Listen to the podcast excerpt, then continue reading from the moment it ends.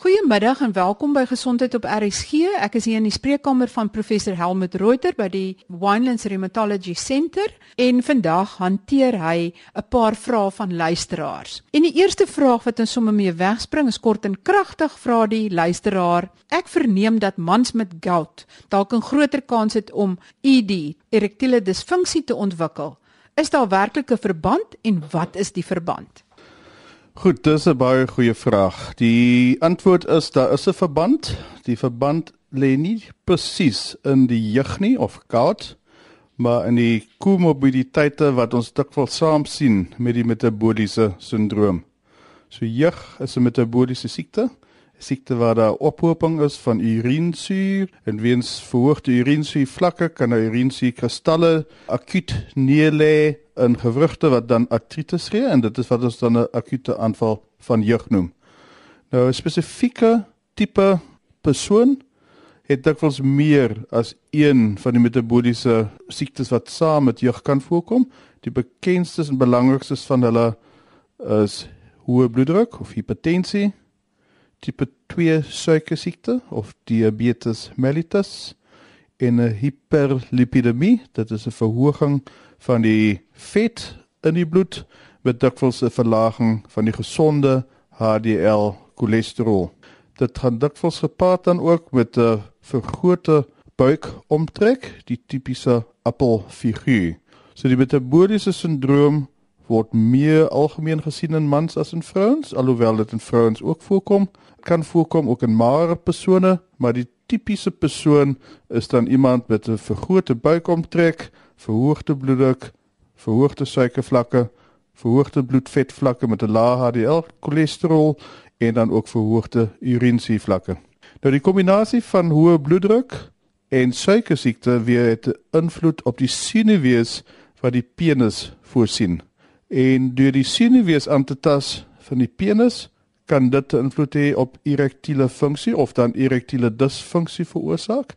Dikwels is dit die medikasie wat gebruik word vir die kombinasie van hierdie metabooliese siektes. Byvoorbeeld die anti-inflammatoriese middels wat vir akute aanval van jeug of vir kroniese artritis gebruik word, het 'n effek op die tonus van die bloedvate, insluitend die peniele bloedvate en as gevolg daarvan kan die gebruik van anti-inflammatoriese middels lei tot erektiele disfunksie.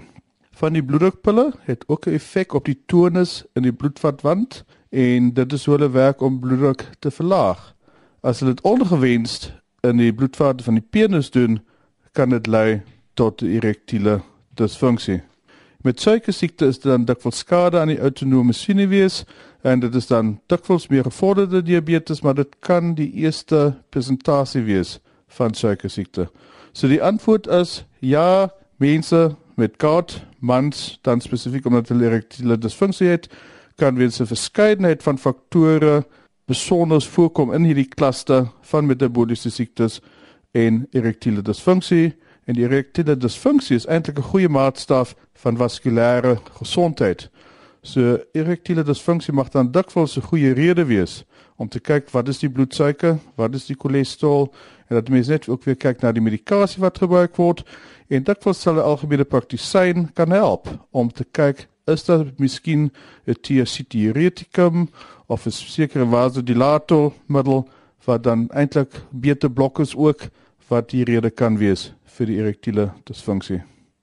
Jy kan tog nie jou bloeddrukmedikasie los nie. Jy kan miskien nog nou jou pynstillers los, maar hoe los jy jou bloeddrukmedikasie?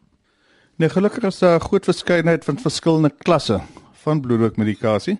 So dit beteken nie dat die bloeddrukmedikasie gelos word nie, maar die klas kan verander word. Byvoorbeeld sou 'n mens van 'n beta blokker kan oorgaan na angiotensin reseptorblokker. Die angiotensin reseptorblokkers mag selfs voordelig wees vir mans met erektiele disfunksie waar beta-blokke gewoonlik 'n negatiewe effek het. Dan het ons 'n paar vrae van luisteraars oor biologiese middels. Die eerste luisteraar wil graag meer weet oor biologiese middels in die gebruik vir ankyloserende spondilitis. Dan is daar 'n luisteraar wat ook vra het oor biologiese middels en hy het 'n hele lysie van middels gestuur waarop hy tans is wat hy wil weet kan hy hierdie middels langer as 12 maande gebruik Hy sê ondervind steeds pyn sodat ek daagliks sterk pynpille moet gebruik want Panado help nie. Onthou ons het laas gesê Panado is die veiligste pynstiller. En dan wil hy ook graag weet kan 'n kortison-inspuiting help? Dan die laaste vraag oor biologiese middels is kan biologiese middels vir 'n erge longkwaal gebruik word? Professor Reuter, jy het 'n hele mond vol hierso om oor te gesels. Goed, ek sal dan begin met die vraag oor ankyloserende spondilitis net baie vinnig weer verduidelik. Spondilitis is die inflammasie van die senings, die tendons in die rugwervels. So waar die tendons implant op die rugwervels is daar ontsteking en dit veroorsaak erge pyn in die hele wervelkolom en as hierdie proses langstaande duur kan 'n verkalking wees van hierdie ligamente en dit gee dan in die einde 'n stywe rug weens verkalking van die tendons en die verkalkingsgroeibasis van die wervel met die tendon tot hulle soms van een wervel tot die volgende wervel kan gaan en op ekstra lyk dit dan amper soos 'n rietstok of word dan ook genoem the bamboo spine. Dit lyk werklik soos 'n rietstok. Die biologiese behandeling onderdruk die inflammasie tot 'n groot mate is dit 'n simptomatiese behandeling dit verminder die pyn dit verminder die styfheid maar daar is nuwe navorsing wat aandui dat dit wel ook die verkalking mag verander mits dit baie vroeg gegee word. Sekere mense kry totale pynverligting net van anti-inflammatoriese middels en in die geval sal dit dan die behandeling van keuse wees anti-inflammatoriese middels nie net soos nodig nie, maar elke dag om die verkalking, die ankyloserende proses te voorkom. Ander mense is die pyn nie heeltemal opgelos nie. Mense kan ook kyk na bloed toetse wat wys dat daar nog aangaande inflammasie is. Ek het tevore gepraat van die bloedbesinkingsspoed en die CRP, die C-reaktiewe proteïen wat bloedtoetse is wat vir ons kan aandui wat is die vlak van inflammasie. En sulke mense wat dan nadat hulle drie verskillende anti-inflammatoriese middels vir ten minste 4 weke probeer het en nog steeds voel dat hulle nie verligting het nie of nie genoegsame verligting het nie en waar mense kan aandui dat die stywe gewigte stywe word, dat die rug minder beweeglik word, dat die borskas uitsetting minder word, dan sal 'n mens 'n biologiese middel oorweeg. Vir die perifere gewrigaantasting wat mense ook met ankyloserende spondilitis kan kry, soos byvoorbeeld 'n tennis elmboog, 'n golfers elmboog, Plantar fasciitis, is daar orale middels en dit is die orale middels wat ons vir reumatoïde artritis ook gebruik, cilazopirin, methotrexate of Arava wat mens eers kan gebruik en wie eens as hulle faal, sal mens dan oorweeg om 'n biologiese middel te gebruik. Maar vir die aantasting in die nek, die rugstring en die sacroiliaca gewigte, waar die bekken en die onderste gedeelte van die wervelkolom bymekaar kom, is hierdie orale middels nie effektief nie of net selde effektief en is 'n biologiese middel die middel van keuse. Hier sal mens altyd na moet kyk wat is die risiko van erge siekte in vergelyking met die risiko van die behandeling. Die risiko van die behandeling met 'n biologiese middel is gewoonlik infeksies, spesifiek tuberkulose wat uitgeskakel moet word, depressiewe swaminfeksies. En dan word dit altyd voordat mense biologiese middel gee, sal ons 'n inenting gee teen longontsteking, teen die pneumokokkale bakterium. Dit word 5 jaarliks herhaal en ons sal ook voor dat elke jaar 'n griepinspuiting geneem moet word om die risiko van erge griep te verminder. So infeksies is die grootste probleem wat mense baie duidelikheid oor moet kry. Ons kyk ook of dit tevore gordelroos was of dit herpes infeksies is. Ons sal altyd eers hepatitis B en hepatitis C toets doen. Was al hierdie infektiewe siektes na gekyk is en nou bepaal word dat die risiko daarvoor kleiner is as die voordeel van die biologiese middel, dan is die biologiese middel uitstekende uitstekende middel om te gebruik in 'n persoon met bewyste ankyloserende spondilitis. Die vraag oor reumatoïde artritis, dis 'n 72 jarige persoon wat nou vir jare lank al op behandeling is met methotrexate, plasmocin en cilazopirin. Ons noem dit 'n triple combination chemotherapy, dis 'n kombinasie van drie verskillende siektemodifiserende middels ek sal net kortliks na elkeen van hulle weer kyk. Die Plasmoquin is 'n antimalaria pil. 'n relatief swak anti-reumatiese middel. Dit het 'n baie goeie effek in die siekte sistemiese lupus erythematose en rheumatoid arthritis speel dit 'n relatief klein rol, maar dit kan gebruik word en dit kan ook 'n langtermyn gebruik word. Wat mense egter moet onthou dat dit die oogsien nie weer kan aantas en dat as mense langer as 2 jaar dit gebruik, dat mense dan ten minste jaarlikse oogondersoek ondergaan, net om seker te maak dat daar geen retinale kleurveranderinge is nie en ook geen verandering in die kleurvisie nie, want sou daar enige optiese of oogskade wees dan sou mense dit onmiddellik wil stop. Die tweede middel wat genoem was is methotrexate. Ons het gesê dit is die steunpilaar van behandeling in reumatoïde artritis. Dit is 'n middel wat net een keer per week gebruik word, altyd saam met folinsuur, Vitamiin B9 en die methotrexate is die belangrikste middel om te gebruik as orale middel.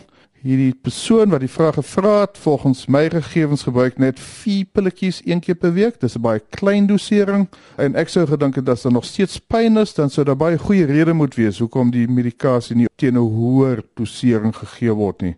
Die doserings wat ek gewoonlik sou voorstel is dat 'n mens tot 10 pille sou kon gaan per week 25 mg en as die pille nie goed verdra word nie of daar nog steeds nie genoegsame effek is nie kan dit selfs ook ingespuit word onderhuids een keer per week ook teen 25 mg een keer per week. So dit sou definitief as dan die rede was om dit nie te verhoog nie sou die eerste stap gewees in hierdie geval om die methotrexate dosering te verhoog. Die derde middel wat gebruik is is cilazopirin middel wat ek ook genoem het wat gebruik kan word vir ankyloserende spondilitis. Uh, dit is 'n medium sterkte middel in reumatoïde artritis. Dit kan in hierdie kombinasie goed gebruik word. Uh, die gewone dosering vir dit sou wees om twee pilletjies twee keer per dag te gebruik. Dis 1 gram twee keer per dag en weer eens sou daar 'n goeie rede moet wees om dit nie teen die hoë dosering te gee nie. So my eerste gedagte sou wees dat mense waarskynlik by dieselfde pille mee sou kon bereik die, die doserings te verhoog, spesifiek die methotrexate dosering. Panado sal nie altyd 'n goeie pynstiller wees as daar aangaande inflammasie is. Dit onderdruk glad nie ontsteking nie, so dit is nie baie effektief as daar ontsteking is nie en daarvoor sal dan kortison of die non-steroidale anti-inflammatoriese middels 'n beter opsie wees. Maar die eerste doel in reumatoïde artritis sal altyd wees om die siekte te kontroleer met siekte modifiserende middels. Indien dit nie bereik kan word met die drie middels wat ons nou bespreek het nie, is daar vierde orale siekte modifiserende middel wat mens sou wel kan gebruik, Arava, 'n daaglikse pil. Dit sou in kombinasie gebruik kan word 'n mens moet dan net versigtig wees oor lewefunksies en hepatiese skade, lewerskade. So dit kan gebruik word, maar dit moet omsigtiglik gedoen word. En dan is daar natuurlik vir reumatoïde artritis ook die moontlikheid van die biologiese middels waar daar vir ankyloserende spondilitis net een klas biologiese middels op hierdie stadium geregistreer is, die sogenaamde TNF-alpha inhiberende middels. Is daar vir reumatoïde artritis vier verskillende biologiese klasse middels. Dit sluit weer eens die TNF inhibitors in, maar daar is dan verder T-sel stimulasie inhibitors, daar is interleukin 6 blokkers en daar is sogenaamde B-sel vernietigende middels, die sogenaamde rituximab of MAPTHERA, MAPTHERA wat infusies is. So vir reumatoïde artritis het ons 'n hele arsenaal van biologiese middels vir die Suid-Afrikaanse riglyne sal 'n persoon altyd eers op 3 mondelingse middels moes gewees het voordat die biologiese middel deur mediese fonds betaal gaan word. En die rede vir dit is dat baie mense kan goeie kontrole kry op die orale middels wat goedkoper is en wat outomaties die immuunstelsel minder onderdruk in 'n omgewing wie eens met hoë tuberkulose syfers mag dit veiliger wees om 'n minder immunosuppressiewe regime van medikasie te gebruik. Uh hoe lank kan 'n mens biologiese middels gebruik? 'n Mens kan dit so lank gebruik soos dit werk, solank dit betaal kan word en solank daar geen ernstige neeweffekte is nie. Dieselfde geld vir die orale middels. Dit kan lewenslank gebruik word, maar dan moet elke 4 tot 6 maande moniteer word. Ons moet kyk is die beenmerg nog werkend? Ons doen 'n volbloedtelling vir dit. Is daar nie lewerskade nie? Ons doen daarvoor sogenaamde lewerfunksietoets of lewerensiemtoets. Ons moet seker maak dat die niere goed funksioneer. Ons doen so sogenaamde kreatinien of 'n nierfunksietoets vir dit. En dan wil ons net verder kyk na 'n paar ander probleme wat ons met hierdie siektes ook kan kry. En dit is ons moet kyk na Vitamiin D vlakke en osteoporose. En ons moet kyk na cholesterol vlakke, suiker siekte uitskakel en dit dan ook behandel, maar ons sal dit miskien in 'n ander latere uitsending in meer diepte bespreek. Verder was daar vraag van uh hoe dikwels kan kortison inspuitings gegee word? Ek sou gewoonlik sê goeie roep sou wees om dit nie meer as 3 of 4 keer per jaar te doen nie. Dit hang 'n bietjie af of dit 'n intraartikulêre inspuiting is. Dit sal 'n mens as mens net 'n enkele gewrig op 'n tyd inspuit, sou ek nog steeds sê een gewrig nie meer as 3 keer per jaar nie, maar as dit verskillende gewrigte is, dan sou dit meer inspuitings per jaar kan wees. As ons praat oor intermuskulêre binnespierse inspuiting, dan sou ek ook gewoonlik sê 12 weekliks eerder as 6 weekliks. 6 weekliks sou ek bietjie bekommerd oor wees dat die totale dosering van kortison dan wel te hoog is en dat die mens dan die kortison neeweffekte kry. Die belangrikste waarvan metabooliese siektes is osteoporose en dan ook verhoogde risiko vir infeksies. Die luisteraar het dan ook gepraat van 'n persoon wat 43 jaar oud is wat nou heeltemal gesond voel, wat biologiese middels gebruik, nou weer deelneem aan fietswedrenne en hardloop. Dit is absoluut so. In my praktyk is daar meer as 150 persone op biologiese middels en baie van hulle is baie aktief, kan baie aktief aan verskillende sportsoorte deelneem. Dit is egter belangrik om daarna te kyk hoe jonk was hulle gewees, wat was hulle gesondheidsstatus gewees voordat die diagnose van ankyloserende spondylolitis of reumatoïde artritis gemaak is. Was daar al kraakbeenskade gewees, was daar benige skade gewees, uh, was daar deformiteite gewees? En dit alles dra by tot wat die uitkoms aan die einde kan wees. So as daar al skade is, sal die biologiese middels nie die skade kan regmaak nie. Die biologiese middels kan net die inflammasie onderdruk en tot 'n mate keer dat daar verdere skade plaasvind. So ek dink die belangrikste is as mens kyk na wat is die verwagte uitkoms, ons noem dit die prognose, is dit baie belangrik dat 'n mens altyd na die hele persoon kyk. Dat 'n mens kyk wat is die energievlakke, wat is die gesondheidsvlakke hoe goed is die hart, hoe goed is die long, hoe lyk die gewrigte, is daar enige onderliggende skade, is daar wanbeleining en dat mens al die verskillende faktore na kyk, eerder as na 'n anekdote van een persoon wat 'n biologiese middel gebruik en baie goed gedoen het en dan te verwag dat dieselfde vir jou of iemand anders ook van toepassing sal wees. Daar's verder gevra wat die kostes is. Die kostes is verskriklik hoog. Dit is 'n skandelike hoë koste. Die gemiddelde prys vir biologiese middel is hier tussen 8000 en 11000 rand per maand. So ons kyk na amper 100000 rand per jaar. En as mens dit oor 20 jaar of 30 jaar of 40 jaar moet gebruik, dan sal u kan uitwerk dat dit 'n baie hoë hoeveelheid geld is. Dit is dan ook die hoofrede hoekom dit net deur die hoë klas mediese fondse betaal word en hoekom dit ook net baie beperk in staatsmedisyne beskikbaar is. So die prys is 'n werklike probleem. Wat is die moontlikhede om wel befondsing te kry vir die middels? Uh, Mense sal altyd baie versigtig moet kyk na wat jou mediese fonds vir jou aanbied. Is dit 'n omvattende plan? Is dit net 'n spaarplan? Uh, sodat jy presies verstaan wat jou mediese fonds vir jou sal aanbied. 'n Tweede moontlikheid is dan op 'n baie klein basis binne die staatsstelsel en dan die derde moontlikheid om biologiese middels te kry is in middelproefeenhede waar daar baie goeie navorsing in Suid-Afrika gedoen word om te kyk hoe bestaande biologiese middels vergelyk met nuwe biologiese middels wat ontwikkel word. En die proses is dan een om altyd te kyk in 'n mediese proef is die middel ewe veilig en meer effektief of is dit ewe effektief maar veiliger as die beste bestaande middel. So dit is wat in mediese proewe gedoen word. Mense kyk nie daarna werk dit nie. Mense vergelyk dit altyd met 'n bestaande middel en kyk of dit beter is as dit wat al klaar bestaan. So ja, die kostes om aan 'n mediese studie deel te neem is dan om na die sentrum toe te gaan en dit vat tyd. Dit vat langer as om na praktisyn toe te gaan en die middels as deel van 'n mediese fonds skema uh, betaal te kry. Daar's 'n vraag vir oor aptekers in die omgewing wat dalk nie weet van biologiese middels nie. Dit is miskien dat dit soms vir mense die die bewoording daarvan is waarskynlik die probleem. Die biologiese middels word biologiese middels genoem omdat dit soort van middels is wat gebruik maak van normale biologiese prosesse. So ons gebruik byvoorbeeld in die middel Humira, dit is 'n teenliggaam teen die TNF-alfa sitokien. Soos ons antiliggame maak teen die verkoue virus, so word 'n antiliggaam vervaardig wat teen die TNF-alfa molekule werk.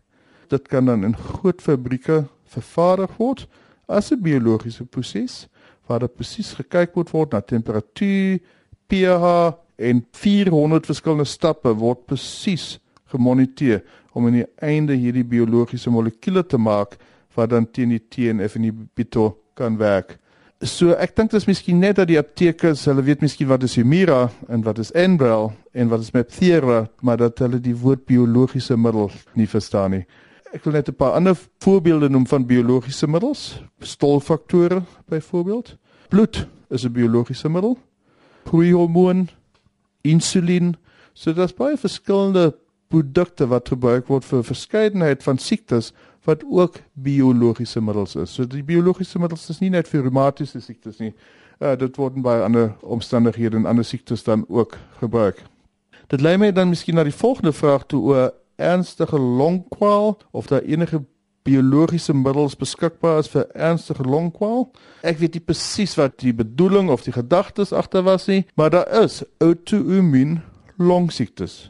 Ons weet byvoorbeeld dat omtrent 'n derde van mans met reumatoïde artritis het ook outoimmuun longsiekte. Dit kan die buitenste laag van die long aantas, die pleura, wat dit dan 'n pleuritiese siekte gee met 'n effusie, 'n vogophoping rondom die longe, of dit kan die binneste parenkiem van die long aantas, waar dit dan 'n interstitiële longsiekte of ook 'n fibroserende alveolitis kan gee? En die antwoord is ja, daar is biologiese middels wat tot mate vir hierdie tipe longsiektes, hierdie outoimmuun longsiektes kan help. Van die middels is nie gelisensieerd vir die gebruik daarvan nie, maar word wel in studiegevalle opgeskryf. Ons kan dit sien ook in pasiënte wat byvoorbeeld reumatoïde artritis het en dan 'n spesifieke biologiese middel gebruik dat soms hulle longkwale in dieselfde proses ook verbeter. En die middel wat dan in die middel staan van hantering van outoimmuunsiekte is die middel wat B-limfosiete kan verminder of vernietig. Nou die B-limfosiet is een van die immuunselle wat kan ontwikkel tot 'n plasmasel en dis die plasmasel wat dan die outo-antiliggame teenliggaampies produseer en deur die B-sel funksie te verminder word minder outo-teenliggaampies gemaak en kan die outoimmuunsiektes verbeter. So die middel Mepthera of Rituximab kan in sekere mense help vir outoimmuun longkwale, maar ek wil dit baie duidelik stel dat dit op hierdie stadium nie vir die gebruik daarvan gelisensieerd of geregistreer is in Suid-Afrika nie, maar daar is so sekerlik aangaande studies om te kyk na biologiese middels wat vir outoimmuun longsiektes sou kon werk. Maar die direkte antwoord is nie nou beskikbaar in Suid-Afrika nie, maar wel moontlikhede wat verder ondersoek gaan word en wat heel waarskynlik positiewe effekte in die einde gaan lewe, soos ons weet dat dan nou goeie biologiese middels is vir inflammatoriese darmkanaalsiekte, vir veelvuldige sklerose, vir outoimmuun bloedsiektes, sistemiese lupus erythematose, reumatoïde artritis, psoriatiese artritis, psoriase om maar net 'n paar van die tipiese kroniese siektes te noem waarvoor dan nou wel biologiese middels beskikbaar is. Dit was dan die vrae van Werner, Rika en Christa Koetser. Dit sê dan ook ons reeksie af oor die vrae oor artritis wat deur professor Helmut Reuter beantwoord is. Ons sal spoedig weer met hom gesels en wel oor fibromialgie nadat luisteraars ook gevra het ons moet aan hierdie onderwerp aandag gee. Programme wat in die pipeline is, is die gesprek met professor Tim Noakes, polisistiese ovariële sindroom, nierstene en nog vele ander. So moenie hierdie program misloop nie. Daar's nog baie interessante dinge wat kom. Tot volgende week dan. Totsiens.